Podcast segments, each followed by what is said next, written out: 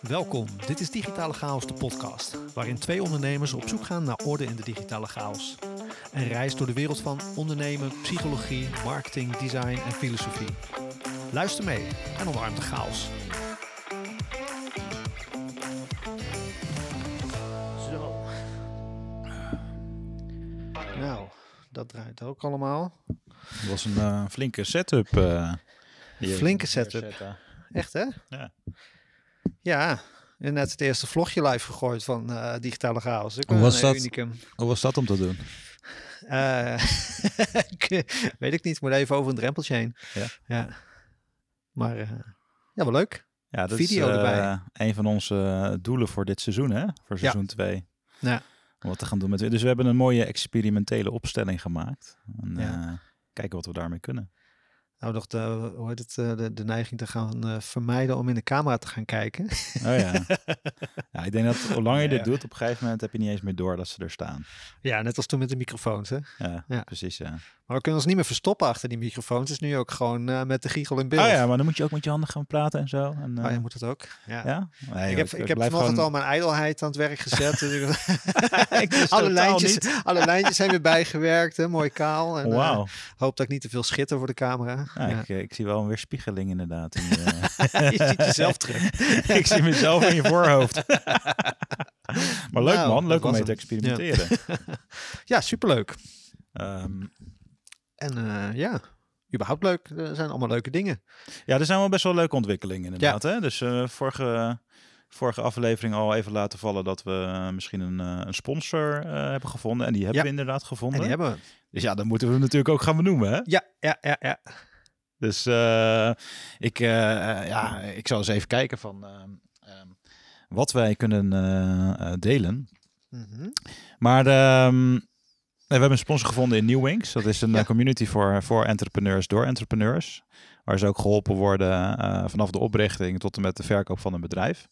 Super En ja, heel gaaf eigenlijk. Dus Roger van New Wings, die, nou, die, die vindt het ook leuk mee, om mee te denken, af en toe een vraag erin te gooien. Ja. Ehm, en ik denk deels overlap ook in doelgroep qua ondernemers. Ehm, en dat helpt ons ook weer om eh, straks onze eigen eh, videoapparatuur aan te schaffen. Ja. Ehm, dus dat eh, komt eigenlijk op een heel mooi moment. Ja, super gaaf. En ook mooi om die connectie te vinden. Binnenkort schrijft hij ook een keertje aan natuurlijk. Ja. Gaan we even met, met hem in gesprek. En ja, soort van vereerd eigenlijk wel een beetje dat iemand... eh, Dat iemand wil zeg maar fan is van de, eh, van de podcast, het zelf luistert. Ja. En dan op een gegeven moment zelf met het idee komt van, hey, zijn jullie daarvoor open? Ja. Dus ehm, eh, ja, het is wel heel leuk hoe zich dat kan ontwikkelen. En ja, dat helpt ons natuurlijk ook weer om, om de volgende stap te zetten. ja, het is, ja, ik bedoel, kan je dit dan een beetje een uit de hand gelopen hobby noemen al? Wat we aan het doen zijn? ja, ik weet niet. Zijn we, het ooit, we zijn nooit echt begonnen als hobby. Nee. Het is meer van. Het was natuurlijk. eh, we gisteren, gisteren ook nog een paar keer staan pitchen natuurlijk. Het was eigenlijk gewoon. We waren, waren af en toe in gesprek met elkaar. En we hadden zoiets van. Nou, weer een microfoon opzetten. Dan, eh, dan, eh, dan hebben we een podcast. Dus het is meer een soort van ontstaan. En Ja. Het is een soort activiteit geworden. maar het is ook super leuk om te doen. Dus ja, wanneer is het een hobby? Dat is de vraag misschien. Ja, en, en, je, en je, je hoort het ook wel vaker, hè? ook onder podcastmakers van... ehm, er zijn heel veel podcasts die struggelen ook wel een beetje met van... oké, moet ik hier dan een verdienmodel aanhangen, ja, of nee? En Ja. ehm, wat ook al sowieso een interessant onderwerp is... van wij zijn dan beide ondernemer... Mhm. eh, en veel ondernemers hebben ook bepaalde urge naar nieuwe dingen of zo. Dus Ja. eh, naar, naar nieuwe dingen creëren. Dus ja, hoe ga je daar dan mee om? Weet je, Ehm, je hebt een lopende business, of we hebben beide een lopende business. En we hebben toch allebei al, al- altijd wel continu een soort van urge ook om iets nieuws te doen. Of misschien wel eh, een nieuwe business op te zetten daarnaast. Of iets Ja. te doen met een nieuw idee. En weet je wel. En hoe ga je daarmee om? Weet je wel? Hoe funnel je dat? Hoe hou je focus? Ehm, misschien een leuk onderwerp om eens wat verder uit te diepen. Absoluut. En voordat we verder gaan, moeten we ook maar even onze learning nog in de praktijk brengen. Want dat zijn we alweer vergeten. Mijn naam is eh, Christian Slierendrecht. Mijn naam is Jasper Giepsma. En eh, Ja, wij, wij zijn jullie host. Hoe zeg je dat? Ja. Nou ja, een van de learnings was dat we eh, af en toe door elkaar gehaald werden qua stemgeluid. Ja, dus eh, precies. vandaar dat Dus we we onze naam nog onze naam, even, even herhalen. Ja. We gaan Ja, de volgende keer bij, na de intro nog even doen. We moeten nog even, dat, dat, dat moet er nog even inkomen. Hè? Dat is iets Precies, met ja. Wel, routines dank- en insluiten van. Hè? Dankjewel voor de herinnering, Jasper. Jasper Griesma. Moest je er ineens aan denken, Christian. Ja. Echt, hè? Maar het topic van vandaag, ja. Dus eh, hoe, zou Ja. jij je dan, hoe zou je hem dan in willen schieten? Wat is bij jou top of mind? Nou, het is wel grappig, want eh, we, eh, we hadden het een beetje over side hustles en dat soort dingen. En eh, hè, dus vind ik dit ook een beetje van, is, is het nou een hobby of is het een beetje een soort side hustle? Ja. Het is voor ons zit er geen verdienmodel achter, dus eh, hoe ver kan het een hustle zijn natuurlijk? Nou, we hebben nu een sponsor. Ja, we hebben een Dus sponsor. verdienmodel. Maar we hebben het geld al uitgegeven, hè? Voor mij, dat is een beetje het nadeel. Ik ben natuurlijk zo'n eh, zo'n gadget nerd. En jij zei van, eh, ja, misschien moet je even een wishlist maken. Dus ja, die was die is goed gevuld. Dus, Maakt het alleen maar beter. ja, precies. nee, dus ja, inderdaad. ehm, ehm, nou ja, waar het een beetje op kwam, ik, heb met ehm, eh, eigenlijk in de, in de 13 jaar alweer dat ik, eh, dat ik onderneem. ehm, ik vind een van de dingen als ondernemer is dat je toch iets nieuws ziet. Hè? Je ziet toch altijd weer een soort kans waar je dan vol passie eh, op, op ingaat. Ja. Maar gaandeweg kom je nog meer kansen tegen en nog meer dingen. En je hebt natuurlijk eh, serie-entrepreneurs die, eh, die achter elkaar bedrijven blijven opstarten. Nou, noem een eh, Elon Musk, die eh, volgens mij ook een gedachtegang die die, eh, die, die heeft, eh, die die heeft, daar maakt hij een miljoen, miljardenbedrijf van. Maar ehm, ja, ik, ik struggelde wel eens mee dat ik zoiets heb van, nou, ik zie eigenlijk heel veel leuke kansen, maar ehm, je wil ook je focus houden op je Ja. core business. En ehm, er is natuurlijk nu ook een hele, of eigenlijk al een paar jaar, een hele side hustle mania gaande Mhm. op, eh, eh, op internet. Ik ageer eh, altijd een beetje op dat woord, side hustle. Ja, Ik noem het liever wingman. wingman. Wingman. Nou, wingman heeft weer een hele andere betekenis. Met een andere lading. ja. nou, ik kan je wel uitleggen, maar Ja. hoe, hoe dat bij mij een beetje is gelopen. ehm, eh, want toen ik begon met ondernemen, zo'n 13 jaar geleden, toen ehm, stond ik daar ook zo in. Van weet je wel, nou, eh, je hebt heel veel mogelijkheden in de online wereld. Mhm. Ehm, eh, wij dachten ook, we gaan dat online marketing spelletje wel even uitspelen. Dus voor ik het wist had ik vijf verschillende blogs en eh, initiatieven en ehm, twee bedrijven. En Ja. focus, focus nergens, all over the place, nergens te vinden. Ja. Ik ben nu toevallig, heb ik net het boek Essentialism gelezen. Ik weet niet of je dat kent. Ja. Echt een goed boek ook. Ehm, die, die, die, die schetst ook zo'n plaatje, weet je wel, met een rondje. Van, en dan allemaal pijlen, Ja, alle kanten uit. Of je hebt een rondje en je hebt één pijl rechtdoor. En dat is je focus, zeg maar. Dus ik heb dat ook wel een beetje de hard way moeten ondervinden. Van in eerste instantie heel verschillende dingen willen doen. En dan het voordeel van veel verschillende dingen doen is wel ontdekken wat je tof vindt. En ook eh, eh, als iets op een gegeven moment tractie krijgt, dan kan je daarvoor gaan. Weet Ja. je wel? Dus eh, ik vind het altijd een beetje. ehm, eh, eh, aan de ene kant heb je dus optionaliteit. En aan de andere kant heb je focus. En Mhm. Ja. optionaliteit heeft ook waarde in zich. Eh, het is een term die bijvoorbeeld eh Nassim Taleb ook eh, gebruikt Mhm. in zijn boeken.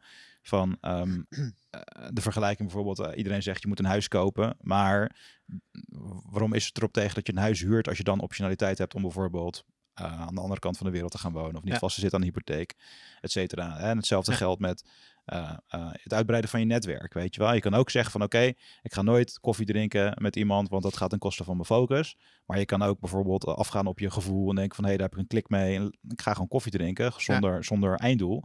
En dan komt drie jaar later komt die persoon weer bij je in de lucht met een business eh, opportunity bijvoorbeeld, Ja. weet je wel. Dus Ja. ik vind dat wel altijd een beetje een soort van, ehm, ja, struggle wil ik het niet noemen, maar ehm, je kan doorslaan in het ene, je kan doorslaan in het andere, zeg maar. Ja. Maar wij, wij hebben ook wel de hard way moeten leren van dat op een gegeven moment focuspak gewoon heel belangrijk is. Ja. Dus ehm, wat, wat daarin heeft geholpen bij ons is om op een gegeven moment echt een soort van gedeelde eh, missie en visie te formuleren. En daar dan wel al je dingen aan onder te hangen en te toetsen. En als het daar niet bij past, ja, dan is het ook gewoon een nee. Ja. Dus dat is voor mij wel een kompas. En dan, dan nog merk ik dat ik vaak ook wel denk, oh, dit stof en dit stof. En Ja. dan moet ik mezelf even terugroepen van, oké, past dit wel bij wat ik echt wil bereiken eh, in Ja. het grotere plaatje? Ja, want toevallig, ik hoorde jou, eh, weer het woord toevallig, maar toen, eh, eh, voordat, toen ik hier binnenkwam, de boel aan het opzetten was, had jij nog een call. En toen Ja. hoorde ik je op een gegeven moment ook zeggen van, eh, ehm, het is ook, ik haal ook heel veel energie uit het opstarten van een nieuw idee of het opstarten van een nieuw initiatief of Ja. wat dan ook. En jullie zijn natuurlijk in transitie van businessmodel. En ehm, ik betrap mezelf daar dus ook op dat ik heel veel energie krijg van iets, een, een idee uitwerken en iets nieuws bedenken en daar dan mee aan de slag te gaan. Ja. En dat, ehm, dat, dat is soms lastig, want eh, het is soms moeilijker om je focus te houden op iets waar je misschien een beetje routine hebt, of misschien zelfs een beetje, ik wil niet zeggen verveeld, maar waar je een beetje een patroon in herkent bij jezelf. Of de- daar ben ik soms dan een beetje allergisch voor. En dat je dan op een gegeven moment zoiets hebt van ja, even iets nieuws, even iets nieuws bedenken, even, even een dingetje uitwerken of even een. Het lijkt het soort van nodig te hebben soms ook. Dus Nou, het is dus heel grappig. Ik heb dus eh, recent deze week heb ik eh, een, een nieuwe pers- pers- personality test of assessment gedaan. Eh, de motivation code of de M-code. En het is heel grappig, want dat is, ik, ik heb dat bij geen enkele andere eh, test voorbij zien komen. Maar die Mhm. gaan dus uit van vier verschillende storylines die je over jezelf vertelt uit je leven. Waarin je ehm, eh, echt jezelf kon verliezen of echt trots was met wat Mhm. je deed. En, ehm, eh, eh, en, en trots was met wat, wat eruit kwam, zeg maar. Dus dat je echt in flow zat met die activiteit. En een voorbeeld bij mij was bijvoorbeeld nou ja, professioneel leren poker spelen. He- Heel, Mhm. dat, heel die, die, die reis en learnings. Maar bijvoorbeeld ook het, het uitbrengen van een boek. Ja. Nou, en bij mij kwam er dus heel erg uit dat, ehm, eh, dat mijn intrinsieke drijfveer heel erg komt vanuit het soort exploren. Dus Mhm. eh, nieuwe dingen exploren en leren. Een beetje op, op snijvlakken die nog niet eerder zijn verkend. Dus daarom bijvoorbeeld de link tussen, tussen succesvol pokerspelen en ondernemen. Weet je wel, die Ja. komt daar vandaan. En ook de link tussen marketing en ondernemen. En we hebben gisteren een, een, een Team David meetup gehad hier op kantoor. Ja. En daar was dat letterlijk ook een vraagstuk. Weet je wel, hoe kan je dat dichter bij elkaar brengen? De marketeers en ondernemers. En hoe, hoe kan je dan samen ehm, eh, ja, positieve impact maken op de Ja. wereld, basically. Ja. En daar ging ik heel erg op aan, weet je wel. Dus je zag dat Mhm. er gisteren tijdens die meetup ook, weet je wel, van het was avonds, maar iedereen liep gewoon met heel veel energie weer naar buiten. Ja. Ehm, en eh, dan is de vraag een beetje, ja, hoe gebruik je, eh, zeg maar, eh, hoe hou je die balans van? Want het liefst willen continu in die zone bezig zijn, zeg maar. Want dat- dat is dan blijkbaar mijn zone of genius. Ehm, eh, eh, maar hoe verhoudt zich dat dan tot ook gewoon, ehm, ja, bijvoorbeeld een businessmodel wat goed Mhm. loopt, om dat gewoon goed te blijven vast te houden en niet continu blijven veranderen. Dus dat is wel een interessante. Ja. Hoe hou je die balans? Ja, precies. Ja, het komt een beetje terug ook op eh episode eerder waar we het hebben over de evolutie van je businessmodel natuurlijk. Want dat kan natuurlijk ook op een gegeven moment het nieuwe vinden in. Die moet nog uit, die, die, die moet nog gepubliceerd. Oh nee, die, wordt- die is al gepubliceerd. Ja, Ja, Ah, scherp. Ja. Zeer scherp. maar die eh, in seizoen 2 ook. Ja. Hè? Maar die. ehm, eh, nee, wa- want, want daar kun je natuurlijk, eh, als ik dan heb over die energie, hebben we ook in nieuwe dingen opstarten. Ik merk bij ons ook van ja, na, na drie jaar of zo, dan heb je ook weer zoiets van. Ja, het mag ook alweer even wat frisser of wat anders. Of Ja. je, je, je wisselt van insteek. Dus je hebt wel. Wat je zegt is denk ik wel heel belangrijk. Ik denk dat wij op een gegeven moment ook wel heel veel rust hebben gevonden in het opstellen van een manifesto. Dus dat je Ja. echt een soort fundament hebt wat losstaat van ehm, Wat je exact doet. ja, misschien inderdaad van je echte dienstverlening of je producten of dat Ja. soort dingen, maar echt gewoon iets meer van oké, wat, wat, wat is het fundament van wat wij doen, zeg maar, even in gevoel en in eh, skills of competenties, hoe je het ook wil noemen. En waar staan we voor? En daar komt dan heel veel houvast uit en heel veel ergens wel een soort focus inderdaad. Ja. Ondanks dat je binnen die dat manifest of binnen dat fundament wat ruimte hebt, zeg maar, om andere kanten op te gaan. Ja. Dus je kan natuurlijk, eh, als je het hebt over een huis, hè, een fundament, maar ja, je kan er verdiepingen opzetten, je kan er uitbouwen, je kan er alle dingen mee doen. Maar je hebt wel, zeg maar, een soort, eh, soort grond waar je staat. Ja, en wat volgens mij ook wel meespeelt, is dat je op een gegeven moment dus wel duidelijke keuzes maakt. Dus, ehm, dus op het moment dat je meerdere, of bijvoorbeeld iets wil vernieuwen, kijk, je kan niet alles tegelijkertijd doen. Ja. Dus eh, je moet altijd, altijd een bepaalde prijs betalen. Hè, dus ehm, in ons geval bijvoorbeeld, als je transitie wil maken van een agency model naar eh, een strategie- en coaching model, dan betekent dat dat je ook op een gegeven moment die, die agency samenwerking moet gaan afbouwen. Ja. En ehm, daar dus een bewuste keuze voor maakt. Ehm, eh, en dat kan soms best wel een lastige keuze zijn, want het, het oude kan heel comfortabel zijn. Ja. Kan heel erg, eh, eh, je weet hoe het werkt, je kan het goed, het zit echt een beetje in je, in je zone of eh, eh, excellence, Mhm. basically. Ehm, en het is financieel misschien ook wel comfortabel. En als je dan die nieuwe keuze maakt om vol voor iets anders te gaan, dan aan de ene kant, ik, dat, dat, dat vind ik dus heel erg tof, juist. Vanuit, vanuit die energie van vernieuwing. Mhm. En aan de andere kant heb je natuurlijk ook gewoon je verplichtingen. Weet je, je hebt eh, een business, je hebt kosten, je hebt personeel, je hebt een gezin, je, weet je, Eh, je hebt je vaste lasten, ehm, je moet de belastingdienst betalen. Eh, dus die moet je, ja, die afweging die maak je dan wel. Ja. Alleen ik geloof er wel heel erg, heel erg in als je die, die keuze bewust maakt, weet je wel, dan ga je ook eh, een beetje terug naar dat essentialism stuk. Dan ga je meer ehm, gericht naar dat punt waar je echt naartoe wil. En als je met één been in het oude blijft staan, dan, dan, dan, dan ga je er nooit echt, echt tractie op, op maken. Ehm, dus het is wel een knop in je hoofd die je op een gegeven moment echt om moet zetten. Ja, dit is Ehm, wat je zegt, is ook een stukje spanning wat daarachter zit. Want wij hebben dat meegemaakt toen wij na de eerste drie jaar als wat meer branding agency of wat meer full service eh, marketing agency aan de slag waren. En op een gegeven moment wel ontdekten van ja, dat we willen eigenlijk echt UX design gaan doen en meer die eh, digitale design kant op. Grappig genoeg was onze eerste klant die dat ooit al een keer zei tegen ons. En toen waren we nog te trots om het toe te geven misschien. Ja, ja. Maar, maar echt na die eerste drie jaar, toen hebben wij gezegd van nou, we gaan hier nu gewoon voor. En gek genoeg gingen we ook vliegen op een of andere manier. Want op- Ja. er, kwamen ineens opdrachten die precies in ons vaarwater zaten. Ondanks dat we nog niet eens onze hele eh, story hadden aangepast of ons verhaal hadden aangepast. Dus dat was wel grappig hoe dat dan toch ineens ja, dan komt daar beweging ging in. gebeuren. Ja, Ja. Nee. Ja. ja, en het is ook de vraag van hoeveel verschillende dingen kun je doen.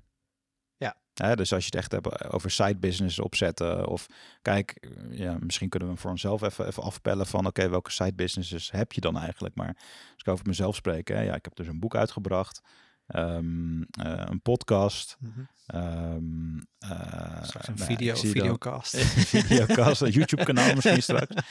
En eigenlijk ja, ja, twee labels. eh, ja, het valt onder hetzelfde bedrijf, maar het zijn twee verschillende takken van sport, weet je wel. Ehm, dus ja, het, is ook wel een leuke vraag die eh, Roger van Nieuwings er ook eh, in wil gooien. Mhm. Ja, levert een, als je een side hustle begint, levert een side hustle dan echt meer op dan de tijd die je kan besteden aan je core business? Dat is op zich wel een interessante afweging Ja. om te maken. Ja, en dat is ook een beetje de, ehm, de, de vraag. Ja, wat, wil, wat, wat, wat, ook van wat levert het op, maar het hoeft niet alleen maar geld te zijn. Hè? Het kan ook in Ja. verschillende ehm, manieren iets opleveren. Precies. En ik denk ook wel, ehm, het ligt een beetje aan hoe het ontstaat. Want ik kan me voorstellen, kijk, als je een. stel, stel, je monteert zonnepanelen. En je ziet op een gegeven moment het probleem dat mensen, eh, consumenten, zonnepanelen willen kopen, maar ze kunnen nergens terecht. En je denkt van, oh wacht, daar is een business. Ik ga een webshop ernaast zetten, waarbij mensen zelf eh, panelen kunnen kopen. Vervolgens zie je van, oké, dan hebben ze die panelen, maar ze hebben moeite om bronnen te vinden om eh, ze te installeren. Dus ik ga een soort academy oprichten of zo. Dan, dan heb je wel allemaal soort van aanvullende business ideeën, waarbij je dan uiteindelijk Ja. ehm, eh, van misschien iets heel gespecialiseerds eh, het hele proces gaat aanbieden. Ja. Ehm, en dan denk ik van ja, dan versterkt het elkaar ook heel erg. Hè? Want dan kun je ook gewoon zeggen op een gegeven moment van nou, eh, hè, kom je er toch niet uit, dan, eh, gaan we ze, ko- komen ze monteren. Dan heb je eigenlijk, eh, eigenlijk weer de stapjes van do it yourself, eh, do it together of done for you. Ja, Als je dat kan integreren, dan kan het heel goed samenwerken. Ja, en dan is wel de vraag van ja, gaat het inderdaad dan ten koste van je andere, van je, van je oorspronkelijke business van het monteren van die dingen? Of ehm, Ja, Eh. ik, ik denk dus niet. Want dat Mhm. bijvoorbeeld, ik heb dat boek geschreven en dat is een heel erg typisch vo- voorbeeld van do it yourself. Weet je, wil je zelf aan de slag gaan als, eh, met je marketing? Ja, lees het boek. En, Ja. een deel van de mensen vindt het leuk, gaat het doen en zou het sowieso al gaan doen. Ja. Of, of het nou door het lezen van een boek is of het kijken van YouTube filmpjes of wat dan ook. Eh, maar een ander deel van de mensen loopt vast en denkt van dit is niet helemaal mijn ding. ding. Dit zit niet eens in mijn zone of excellence. Ja. wijze- eh, weet je wel, dat ik ben gewoon niet competent genoeg om dat te doen. Of ik vind het misschien niet interessant genoeg, maar ik weet wel dat het belangrijk is voor mijn business. Ja. Dus dan zoek je er iemand bij die het voor je kan doen. Ja. Eh, het kan ook zijn dat je eh, denkt van oké, ehm, eh, ik wil mezelf erin ontwikkelen. Ik ben nu nog niet, niet ver genoeg en ik heb gewoon echt die stok achter de deur nodig in de vorm van coaching. Ja, dan doe je het samen. Dan is het done with you. Dus dat zijn eigenlijk de dingen die we nu, die we nu doen. Alleen het, het, het eh, done for you stuk, dat, dat zijn we steeds meer aan het afschalen. ehm, eh, zodat we dat, dat we ook een, vanuit de community mhm. ehm, dat meer kunnen laten, eh, laten doen. Ja, en, dat, en ik denk in dat opzicht kan een side hustle je best wel veel opleveren. Misschien uh, ook gewoon in, in geld uh, of omzet technisch gezien, zeg maar. En zo hebben wij ook op een gegeven moment de keuze gemaakt van... wij zijn gespecialiseerd in UX design. Um, maar we merken ook dat het stuk daarvoor, dus voordat iemand denkt van goh, ik heb een, uh, een digitaal product nodig, uh, dat, dat er ook nog een stuk mis daarvoor. Dus dat ze zeggen van oké, okay, we hebben de strategie om te gaan digitaliseren. En nu? Ja. Weet je, en dat ze dan denken van dat je dan denkt van ja, maar daar willen we eigenlijk ook al bij die klant staan om te zeggen van oké, laten we daar naar gaan kijken. En daar hebben we dan uh, bij ons dan de business uh, of de, de, side business business design van gemaakt. waar oorspronkelijk de podcast ook op ontstaan is. Um, maar um, uh, ook uiteindelijk met het onderliggende idee dat je vanuit die dienstverlening de uh, UX design dienstverlening ook weer kan vullen en aan kan, kan verrijken. Maar goed, uh, om een ander voorbeeld te geven. Ik heb ook een webshop gehad met thee. Ja. En um, dat had ik samen met, met, met iemand destijds. En um, daarin merkte ik wel dat ik overdag gewoon ja, met, mijn, met mijn agency bezig ben. En dan s'avonds uh, of in het weekend dan nog met die, die, met, die, met die webshop aan de gang gaat. En dan hebben we een moment gehad waarop er wat aanvragen binnenkwamen, het wat drukker werd. En dan merk je toch dat er dan te weinig tijd is om daar aandacht aan te besteden. Weet je wat grappig dat is? Heel lastig. Ik dus elke keer als ik, als ik in het buitenland ben of zo en ik zie een mooi product of ik denk het is nog niet in Nederland. Oh ja, kan je een webshop over Ja, maar Ik, ik, die, die trigger die blijft. Maar ik heb wel mhm. geleerd dat uh, mijn sweet spot zit gewoon in, uh, in, zakelijke dienstverlening. Ja. Dus weet je wel, dus, dus uh, die ook gewoon de, de, de, het marketingspelletje, de processen, het, het, zeg maar, het, er, zit, er moet gewoon een menscomponent aan zitten, aan alle dingen die ik doe, zeg maar. En ja, een, een boek is een kennisproduct, maar het uiteindelijke doel is wel dat mensen ermee aan de slag gaan, mm. weet je wel. Ja. Dus daar trek ik zelf dan wel een soort van, van lijn. Want als ik nu in e-com zou gaan en daarom ja, daarom richten we ons ook niet bewust op e-com, maar vooral B2B. Um, ehm, dat zit daar gewoon wat verder vanaf, weet je wel. Dus dat, dat is net als zeg maar een, een missie en een visie en een uh, bepaalde richting hebben of een, of een manifest. Kan je daar ook gewoon bepaalde keuzes in maken die daar dan wel bij helpen. Want anders dan, ja, dan vervliegt denk ik die, die focus nog meer. Ja. ja, en het is denk ik ook, ja, het is ergens ook gewoon grenzen stellen. Kijk, ik ben op het moment wel oprecht bezig met een site project voor mezelf. Um, heb je wel zo verteld, maar ik, ik, ik ben veel aan het suppen. En um, ik ga over een paar weken ga ik, uh, word ik ook uh, instructeur, uh, gecertificeerd instructeur. En um, ik roep eigenlijk al jaren dat ik in, in, in de toekomst ondernemers wil, wil helpen. En in de zin van mentoring. En ik vind coaching altijd, iedereen die overweegt om die kant op te gaan, die vindt het woord coaching altijd heel naar. En ik heb dat zelf ook een beetje. Maar ja, ergens lijkt me dat wel heel tof om andere mensen te gaan helpen. Op de sub. In hun kracht te staan. Ja, en ik wil dat dus gaan combineren met de sub. Um, want je ziet nu ook heel veel van die ja, inspiratiesessies dat je in het bos ingaat en gaat wandelen. Ik heb natuurlijk zelf ook een heel mooi uh, dag gehad met, uh, met Frans van Leeuwen met Ik ben de baasdag. Ja. Um, waarbij het bos ingaat en dan gewoon ook over dingen gaat nadenken, dingen gaat praten, een beetje spart met andere ondernemers. Dus dat is een sparring, beetje, sparringpartner is ook een betere naam dan coach, ja. denk ik dan. Ja, en dat is ook wat, ik, wat, ik, wat mij tof lijkt om dus op de sub te gaan met, uh, met iemand. aan de ene kant leer je een nieuwe, een nieuwe hobby, je lekker natuur in, lekker zen. Uh, maar tegelijkertijd kun je ook met elkaar sparren over uh, waar je tegenaan loopt in je business. Je hebt dus even een raar ezelsbruggetje, maar je hebt de vier elementen ben jij aan het uitwerken op je armen. Het zou tof zijn als je een programma kan, uh, kan bedenken waarbij je dus een, op eentje op het element water doet. eentje op het element aarde. Alleen dan hoe je vuur moet doen, weet ik nog niet. Nou ja, en, dat... en je kan met lucht, uh, lucht kan je natuurlijk ook leuke dingen nou, doen. kan je gewoon in, in, de luchtballon. Uh, het is wel grappig, dat je, grappig dat je dit zegt. Ik ben wel, um, nou ja, dat is ook wel een, een, een Niet om je om nog meer ideeën nee, te brengen. Nee, maar goed, dit, is wel, dit, is, dit beschrijft wel heel mooi de uitdaging waar ik soms mee zit. Want ik ben ook nog bezig met, met een boek. En um, uh, daar gebruik ik inderdaad de elementen ja. om uh, um, het principe van... Uh, het gaat een beetje op, op de maakbaarheid van je leven. En dat heb ik ook een beetje gestoeld op die elementen. En daar heb ik wel aan gedacht om dus in die, om een soort... Als ik er wat meer coaching kant op ga, om het aan die elementen te hangen. Oh, vet. Dus dat, dus dat idee is er wel inderdaad. En, ehm, maar goed, dat zijn wel dingen dat ik denk van ja, dat, ik zie dat niet per se iets als wat ik fulltime kan doen of wil doen. Naast het feit dat het eh, heel erg afhankelijk is van het weer of je de sub op wil. Want ja, met harde wind ga je dat niet doen. En eh, slecht weer is dat ook niet zo lekker. Ehm, eh, maar ehm, ja, dat is wel iets waar ik wel zoiets heb van oké, daar voel ik wel heel veel energie bij. En dat levert mij misschien geen grote bergen met geld op. Maar wel heel veel voldoening, en heel veel inspiratie. En ik merk gewoon als ik één op één in gesprek ben met een ondernemer en een beetje ga sparren, uh, en dan merk ik ook bij de podcast trouwens. Ik krijg gewoon heel veel energie van. Ik krijg gewoon heel veel. Um, heb ik gewoon heel veel plezier in. Dus ja, dat lijkt me wel heel tof om te doen. Nee, maar dat is ook, weet je wel, wat levert het op? Nou, dat levert het op. Kijk, wat, wat, wat, wat, grappig was, bij de, mijn eerste ingeving bij de vraag levert de zij dus wel echt meer op dan de tijd die ik aan zei, ja, je core business was nee. Maar dat was echt mijn rationele antwoord, mhm. in de zin van, want als je een core business hebt, ja, dan is zeg maar alle extra input die je daarin stopt, Um, de trein rijdt al, zeg maar. Ja. Dus uh, vergelijken met een groot vliegwiel. Uh, weet je, als je dat aanzwengelt, in de eerste instantie kost dat heel veel energie. Als het draait, dan kan je het veel makkelijker nog sneller aanzwengelen. Ja. En core, een core business staat al, dus is makkelijker aan te zwengelen. Ja. Um, dus als je er dan weer een side hustle naast zet, ja, dan, dan, dan is dat waarschijnlijk lastiger. Maar aan de andere kant heb je dus ook, ook, uh, ook voorbeelden als, uh, uh, ja, stel je site, site business is, is crypto bijvoorbeeld. Mm -hmm. En je vindt het leuk om een beetje in, de, in, de, in, de, in, de, in de kantlijnen of in de avonturen te doen en een beetje te treden en je maakt een paar grote klappers. Misschien ja. verdien je dan wel, wel tien keer zoveel als wat je verdient met je business. Ja. Um, maar goed, dan is de vraag, maak je daar dan je, je core business van en flip je dat met je normale business? Ja.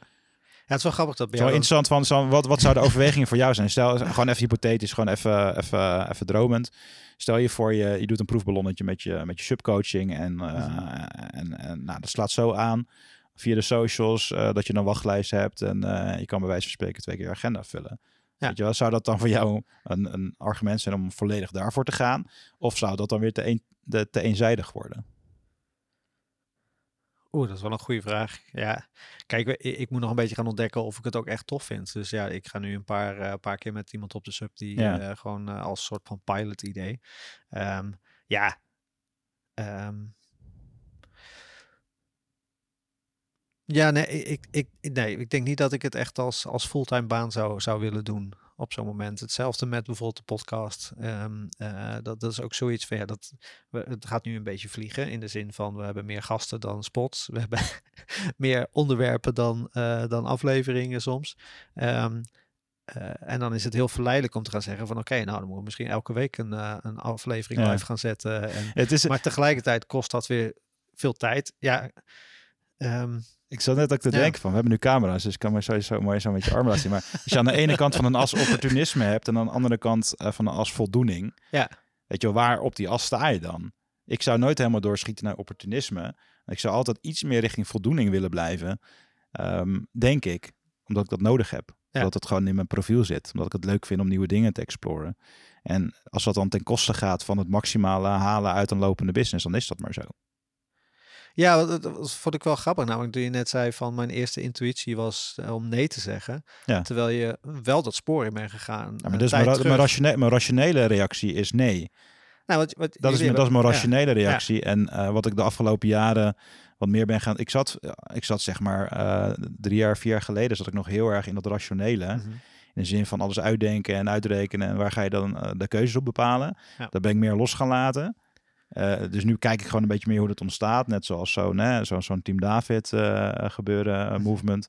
Dat opeens gewoon 15 mensen gewoon vol voor, voor bepaalde onderwerpen gaan. Um, dat is niet gepland. Nee. Dat is gewoon ontstaan. En dat is, ja, dat is een hele andere manier van ehm, met, met, met, met doelen omgaan, denk ik. Of met intenties. Ja. Um, dus ja, ik, dat is grappig. Als je, ik moet dat zelf observeren van oké, mijn eerste reactie, maar die, die, reactie komt dan misschien wel meer, meer uit je hoofd en niet zozeer uit waar je dan alle voldoening uit zou halen. Ja. Dus het is wel grappig. Ik, uh, ik denk dat ik meer, meer uh, richting de as uh, voldoening zou kiezen. Ja, ja het, het grappige vind ik wel.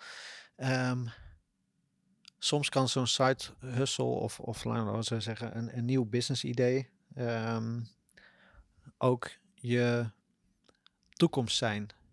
In de zin van, uh, ik heb wel eens ik durf niet te zeggen welk boek dat precies is. Dat weet jij misschien wel als ik het zeg. Maar ehm, je hebt ook altijd. Je, je kan ook de insteek hebben om altijd op zoek te zijn. Of altijd op je hoede te zijn voor het feit dat jouw business of jouw niche zeg maar overbodig wordt. En je ziet het nu misschien eh, in, in sneltreinvaart met ChatGPT, waarin misschien vertalers of ehm, eh, tekstschrijvers eh, toch moeten kijken van ja, de wereld verandert heel snel. Ben ik nog ehm, nodig? Of Ja. zijn er nog zoveel in deze branche nodig? Het zal altijd wel specialistisch werk zijn, maar ehm, en er zijn een hoop, hoop managementboeken, populaire managementboeken, die ook zeggen van je moet ook altijd bezig zijn met de, het, het vervangen van je huidige businessmodel. eh, omdat het zomaar kan zijn dat die in de toekomst eh, overbodig eh, kan zijn. Het is niet voor niks laatste hoofdstuk van mijn boeken. Ja. Het is een model evolutie van Ja. evolutie. Ja. En ehm, in, in dat opzicht is het natuurlijk wel altijd goed om op je hoede te zijn en te kijken. Ik- kan het aan mijn bedrijf re- refereren dat ehm, ik geloof er wel in dat augmented reality ehm, eh, stappen gaat, gaat, gaat zetten. Ja. En eh, hè, de- dus nu ehm, de geruchtenmolen is heel hard gaande. eh, of nee, trouwens, nee, de, de laatste devices die gepresenteerd zijn, zeg maar, door verschillende techpartijen die lijken zich wel steeds meer te gaan richten op augmented reality. Je hebt natuurlijk nu de bril van, eh, van Apple die, eh, die aangekondigd is. Je hebt al jaren de HoloLens van, eh, van Microsoft. of niet? Ik weet niet of die al te koop is, maar hij is kost nog een hoop geld. Maar Ja. Nu, nu eerst de zakelijke markt die daarmee aan de slag gaat natuurlijk en, en daar dingen mee gaat doen. Maar er zijn nu een aantal partijen die met augmented reality bezig zijn. En je ziet nu dat steeds meer van de grote techpartijen dat op gaan nemen. Maar ja, voor ons als UX-designers gaat dat natuurlijk wel een verschil maken. Want we hebben nu overal schermen om ons heen. Eh, We hebben die laptop in de tas. We hebben een extra beeldscherm op je bureau staan. Je hebt extra een scherm in je broekzak zitten. Ik denk de volgende stap wordt wel dat je dat scherm niet meer hoeft mee te tillen. Maar dat dat eh, op je netvlies staat. Dus of dat met een bril is of met een lens in de toekomst of wat dan ook. Of eh, Elon Musk met eh, Neuralink, dat het gewoon direct die hersenen geprojecteerd wordt. Ehm, Dus daarna zou je eigenlijk gewoon al voor moeten sorteren daarop door middel van een experiment of zo. Of iets wat je, nou ja, ik zit zeg dus wel... als je UX-design doet, dat je dan misschien een klein, kleine micro-omgeving probeert te creëren van hoe de toekomst eruit kan zien. En dat dan integreert in je business. Ja, nou, je hebt ehm, jaren geleden had je van, van het bedrijf Corning, die van die eh, Gorilla Glass eh, produceert. Daar heb je een eh, A Day in the Future, waarin dus ook zeg maar alle objecten een touch interface of een, een, een, een beeldscherm interface krijgen. Dus van je aanrechtblad tot je ramen, tot je, tot je spiegel waar je in kijkt. Dus ehm, nou, neem dat even mee met augmented reality, waarin ehm, de digitale wereld helemaal verweven wordt met, met de fysieke wereld. Ja, en hoe ga je door bestanden heen bladeren? Is Ja. dat dan nog steeds inderdaad klik op je folder, open je folder en je ziet allemaal icoontjes voor je neus? Of ga je letterlijk straks bladeren door je mapjes? Ja. Want dat kan ineens een hele andere ehm, eh, UX zijn, zeg maar. Kijk, het proces van UX design zal nog steeds nuttig zijn. Van oké, hoe gaan jou het onderzoeken van je eindgebruikers, het kijken van oké, hoe wil je omgaan met ehm, eh, informatie en hoe wil je dat presenteren aan je eindgebruikers. Maar we zullen op een gegeven moment wel moeten afstappen van het 2D-designen naar het 3D-designen. Nou, dat is oprecht een andere skill. Ja. En oprecht een hele andere. ehm, eh, ja, een heel ander vak eigenlijk ook, 3D-designen. En je zit met diepte, je zit met, eh, met, met objecten die rondingen hebben, maar ook nu eens naar achter toe, schaduwen, licht, eh, al dat soort dingen. Dus ik zit al wel te kijken en ik ben zelf dan gadget en, en software freak, dat ik altijd zo dat soort dingen leuk vind. Maar je hebt nu bijvoorbeeld, eh, iedereen werkt in Figma als UX designer. Nou, die heeft die opties nog niet echt. Ehm, dus ik heb bijvoorbeeld nu een andere software, Spline heet dat. Die is, dat is eigenlijk een, het nieuwe digitaal design platform voor 3D interfaces. Ja, ik vind het leuk om daarmee te experimenteren en daar te gaan kijken. Ik merk eh, ook wel designers die dat soort dingen pas laat oppakken. En ja, als je straks hebt dat, net als ChatGTP, wat in een half jaar tijd, eh, waar, waar zeg maar AI de wereld in stroomt. Ja, wat als eh, eh, er een van die techpartijen opstaat met, ik heb een augmented reality bril voor 200 dollar of Ja. voor 200 euro. Ehm, en die markt wordt overspoeld. En je moet ineens allemaal overslag. Ja, dan, dan heb je wel een uitdaging. Ja. ja, het is wel een interessante, want het is... eh, het, le- het leven in de toekomst, daar ben ik ook goed in, zeg maar. Gewoon Mhm, ja. vooruit sorteren op de toekomst. En eh, soms kan je daar ook in doorschieten. Ehm, Ja, maar ik, heb, ehm, ik, ik, ga wat meer luisteren naar jouw voorspellingen. Want ik heb gisteren ook gehoord dat jij ook iets voorspeld hebt. Je had ChatGTP twee maanden voordat het eh, losging ja, ja, klopt ja. Dus jij bent een, be- je wordt een beetje mijn Nostradamus hier in de omgeving. Want, eh, Nee, we hadden gisteren, gisteren hadden we een hele grappige, maar dat was... ehm, toen eh, noemde eh, Etienne bij de, bij de, bij de meetup ook van... Oké, eh, dat hij, hij refereerde naar een artikel in de correspondent. En dat was volgens mij 2019 dan. Ja. En dat ging dan over wat, wat, wat meer malafide praktijken of de dingen. Ik heb, moet hem nog even teruglezen hoor, maar... Mhm. Dat liet ook wat don- donkere kanten van online marketing zien, zeg maar. Ja. En partijen die dat aanbieden. En ehm, ik, eh, toen dacht ik van, refer- re- refereer naar iets wat, wat ik heb voorspeld in een artikel. Want dat was een gedachte-experiment wat ik zelf een keer had gedaan. In een artikel Frankwatching over de agency van de toekomst. Maar dat artikel was uit 2021. Ah ja. Waarin ik eigenlijk soort van als gedachte-experiment had gezegd, voorspeld soort van. eh, ja, wat nou als over twee jaar ehm, eh, Google Ads eigenlijk zo ver ehm, eh, door AI wordt gerund, door machine learning en Ja. Eh, et cetera, dat het een peulenschil wordt om het op te zetten. Ja. En dat er een artikel in de correspondent verschijnt waarin beschreven wordt hoe weinig tijd het eigenlijk kost, hoe makkelijk het is en hoeveel, ze, hoeveel geld ze daarvoor rekenen. Ja. En die praktijken zijn gewoon al gaande. Ja. Eh, er zijn letterlijk gewoon voorbeelden hè, eh, die ook voorbij kwamen tijdens de meetup van Team David. Ehm, eh, eh, ehm, waarbij gewoon aantoonbaar eh, honderden of soms wel duizenden euro's per maand werden betaald aan een marketingpartij Mhm. eh, voor SEO en SEA. En er werd gewoon geen werk verricht. Ja. Ehm, Helemaal geen werk. Maar ik bedoel, dat wordt natuurlijk steeds makkelijker. En Google heeft die koers al ingeslagen van, ja, die wil eigenlijk gewoon dat als je een account opent, dat, eh, dat het heel makkelijk is om dat op te zetten en te laten runnen.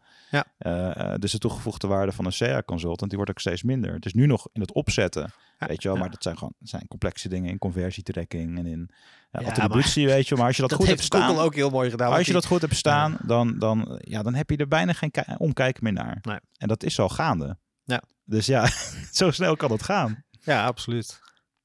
Nu nog wachten op het artikel in de correspondent.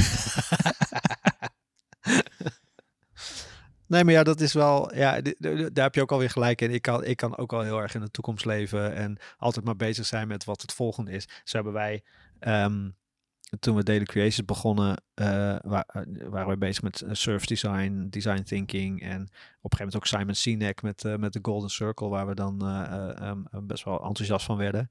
Dat was toen net in opkomst. En wij hebben nu nog steeds klanten die wel eens dat filmpje doorsturen van Simon Sinek uit, weet ik, van tien jaar geleden. Zo van, oh, heb je dit al eens gezien? En hoe gaaf is dat? En dan zitten wij echt van, ja, maar dat was tien jaar geleden. Dat is echt, Ja, ja, bizar hè? Voor mij is Ja, dat ja, ancient ja, history. we zijn al eh, vele stappen verder. ja. En ehm, eh, dat, dat is soms ook wel een valkuil voor mij, Ja. merk ik hoor. Dat ik heel Maar laten we, de dan even terug, laten we dan even terug gaan naar het nu. Hè? En eh, nou, beide hebben wat, wat side bu- businesses of probeerden we eh, daarnaast iets op te zetten. Ehm, eh, eh, wat is er dan voor nodig om focus te houden en dus niet te vervliegen in te veel verschillende dingen of misschien te ver in de toekomst al te gaan zitten?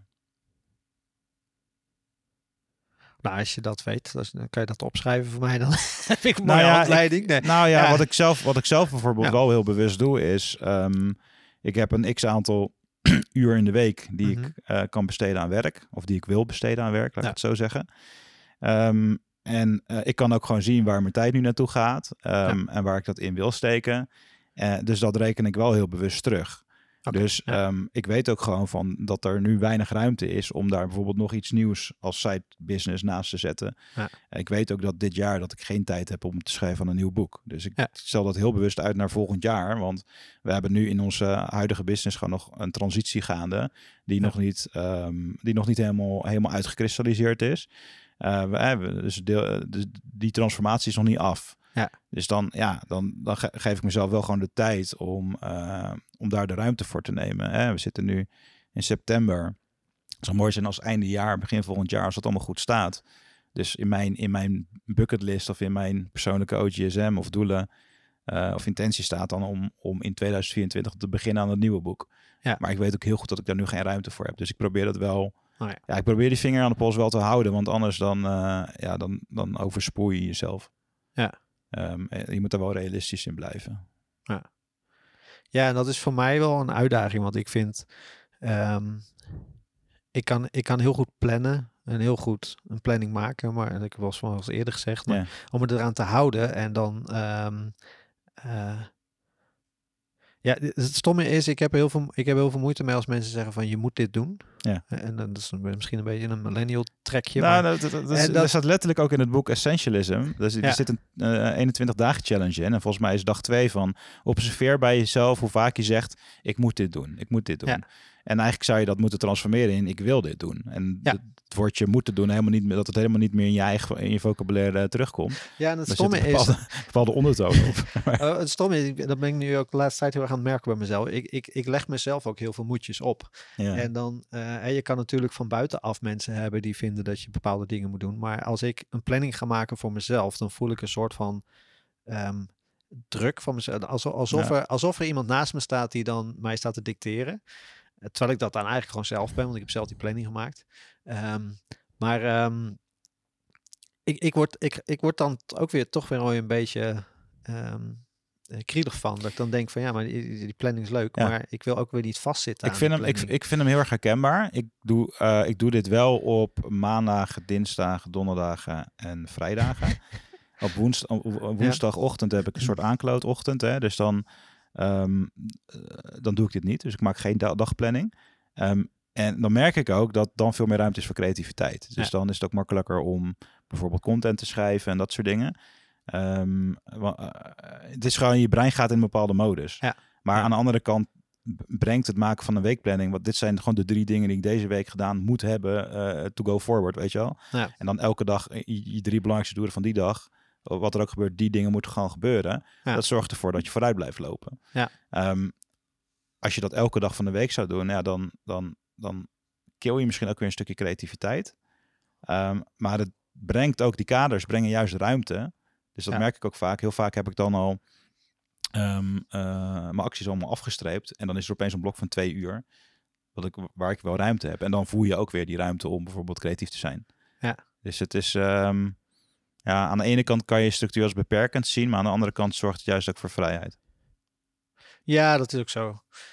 En dat is ook wel voor mij ook wel het verschil tussen een artiest en een designer bijvoorbeeld. Het, het- wat, wat ik wel eens benoem. Kijk, ik heb een creatief beroep en dat, ja, soms heb je wel inspiratie, soms niet. En dat, hè, dat, dat moet je ook altijd een beetje mee jong leren. Maar ik vind altijd, beschrijf zelf wel eens van een artiest die heeft zeg maar echt de vrijheid, of een kunstenaar, die heeft echt de vrijheid om alles te doen wat in jouw visie mag, zeg maar. Dus die heeft echt totale Een hele vrijheid. grote box heeft hij. Ja, maar eh, ja, ook gewoon. Hè, je kent misschien wel het voorbeeld van de man die een, een banaan duct tape tegen, een, eh, tegen de muur. En dat is een kunstwerk geworden van eh, weet ik veel hoeveel duizend euro dat dat ding kost. En elke dag wordt die banaan vervangen. Heel grappig. Maar Side note. Maar ehm, eh, een designer, ehm, die, die, die werkt wat meer met kaders, zeg maar. Dus dat is nog steeds een creatief beroep. Heeft nog steeds vrijheid om dingen te maken of eh, met dingen aan de slag te gaan. Maar die werkt wel met kaders en wel met context, zeg maar. En, en dat... ehm, Het is de eerste Dat- keer dat, je dat- woord gebruikt, eh, context. Context, nou ja, deze keer hè. Ja. en dat was twee. Oh, Dan ben je nou het turven. nee.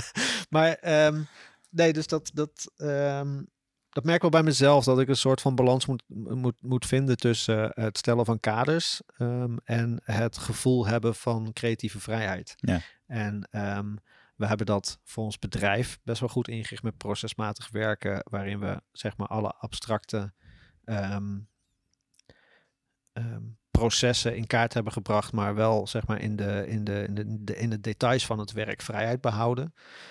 Maar zelf mag ik er ook nog wel een stap in zetten. Ja. Ja, mooi. Ja, mooi maar dan, dan, komen er, dan komt er misschien wel ruimte om dus inderdaad Ja. die site ehm, eh, ideeën of, of concepten om die uit te gaan werken. En eh, mee aan de slag te gaan. Ik denk dat, dat daar gaat het ook weer om een bepaalde balans die voor jezelf goed werkt. Ja. Dus ehm, ja, misschien dat je nu nog een bepaalde aversie hebt tegen eh, het in kaart brengen van eh, eh, waar je welke tijd aan kwijt bent of eh, wanneer je welke dingen gaat doen. Maar als je dat een tijdje doet, geeft het in ieder geval inzicht. Mhm.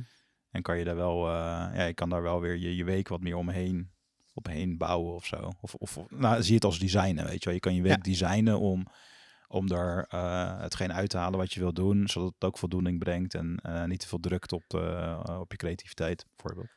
Ja, en ik ehm, moest ineens denken nu aan een voorbeeld, een praktijkvoorbeeld van een bedrijf die daar oprecht ook ruimte voor maakt. En dat is Google. Ehm, die heeft namelijk op een gegeven moment geïntroduceerd dat, ze dat de medewerkers 20% van hun tijd Ja, mogen besteden aan eigen projecten. gewoon eigen projecten Ja. of eigen ideeën. En daar zijn dingen als Gmail uit ontstaan. En Ja. echt hele grote diensten van, van Google zijn daaruit ontstaan.